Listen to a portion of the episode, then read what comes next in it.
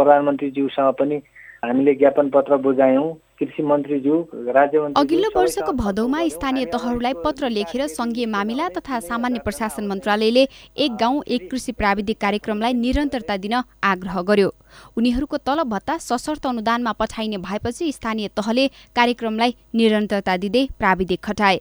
तर आर्थिक वर्ष दुई हजार छयत्तर सतहत्तरको बजेटमा एक गाउँ एक कृषि प्राविधिक कार्यक्रम समेटिएन। यसले आफूहरू अलमलमा परेको बताउनुहुन्छ। नेपाल कृषि तथा पशु सेवा प्राविधिक हक हित संरक्षण समितिका केन्द्रीय अध्यक्ष मनबहादुर रावल। अब स्थानीय तहमा चाहिँ जुन नगरपालिका गाउँपालिकामा शाखाहरू छ शाखाहरूमा अहिले कर्मचारीहरू स्थायी कर्मचारी सरहरू कोही पनि हुनुहुन्न। प्राय चाहिँ नै सबै सुगमतिर हुनुहुन्छ। दुर्गमतिरका शाखाहरू चलाएर बस्ने भनेको एक गाउँ एक प्राविधिकले हो। गाउँमा खटिएका पशु सेवाका प्राविधिकहरूले किसानलाई पशुसँग सम्बन्धित सेवा दिइरहेका छन् भने कृषि प्राविधिकले बालीनाली फलफुल र अन्य उत्पादनसँग सम्बन्धित रहेर किसानलाई प्राविधिक ज्ञान दिइरहेका छन्। कृषि विभागले भने यो कार्यक्रम स्थानीय तहको मातहतमा गएकाले स्थानीय तहहरूले आफ्नो आवश्यकता अनुसार प्राविधिक थप घट गरेर राख्न सक्ने बताएको छ।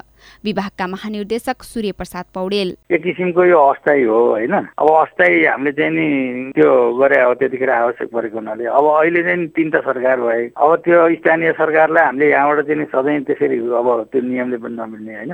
एक वर्ष राखेको अर्को वर्ष चाहिँ उहाँहरूले अब त्यो सबै बुझिसकेपछि उहाँहरूले आवश्यकता अनुसार राख्नुहुन्छ।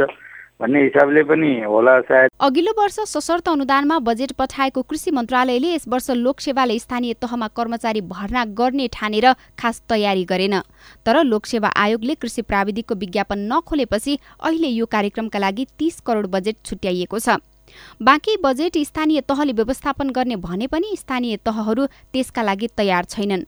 एक गाउँ एक कृषि प्राविधिक कार्यक्रमका लागि आवश्यक पर्ने एक अर्ब बजेटमा एक तिहाई केन्द्रबाट व्यवस्था भएको छ। बाँकी बजेट कसरी व्यवस्थापन गर्ने भन्ने विषयमा छलफल भइरहेको कृषि मन्त्रालयका प्रवक्ता तेज बहादुर सुवेदीको भनाइ छ। लागत सहभागितामा भनिएको छ। लागत सहभागिताको अर्थ केन्द्रले तिस करोड पठाइदिने बाँकी लाग्ने पैसा चाहिँ स्थानीय तहले आफूले बेहोर्ने भन्ने अर्थ मन्त्रालयको सोच चाहिँ त्यो हो। तर अहिले तलका साथीहरूको जस्तो प्राविधिकहरूको र स्थानीय तहका सरकारहरूको पनि हामीलाई वित्तीय समानीकरणमा आउने पैसा कम हुन्छ। यो पैसा चाहिँ हामीलाई धान्न गाह्रो हुन्छ भन्ने भनाइ उहाँहरूको छ। त्यो चाहिँ हामी अहिले छलफलमै छौँ। अब कमसेकम यो पहिलो वर्षको चाहिँ लोकसेवाको विज्ञापन पनि नभएको हुनाले यो विज्ञापन भएर अर्को मान्छे नआउने बेलासम्मको लागि करारको व्यवस्था गरिदिन आवश्यक हामीले पनि व्यवहारिक रूपमा चाहिँ त्यो सिफारिस चाहिँ त्यो गरिरहेका छौँ अर्थ मन्त्रालयलाई। कतिपय स्थानीय तहले भने कृषि प्राविधिक अझै थप गरेर किसानलाई कृषि र पशु सेवाको प्राविधिक ज्ञान दिइरहेका छन्। गीता चिमोरिया सिआइएन काठमाडौँ।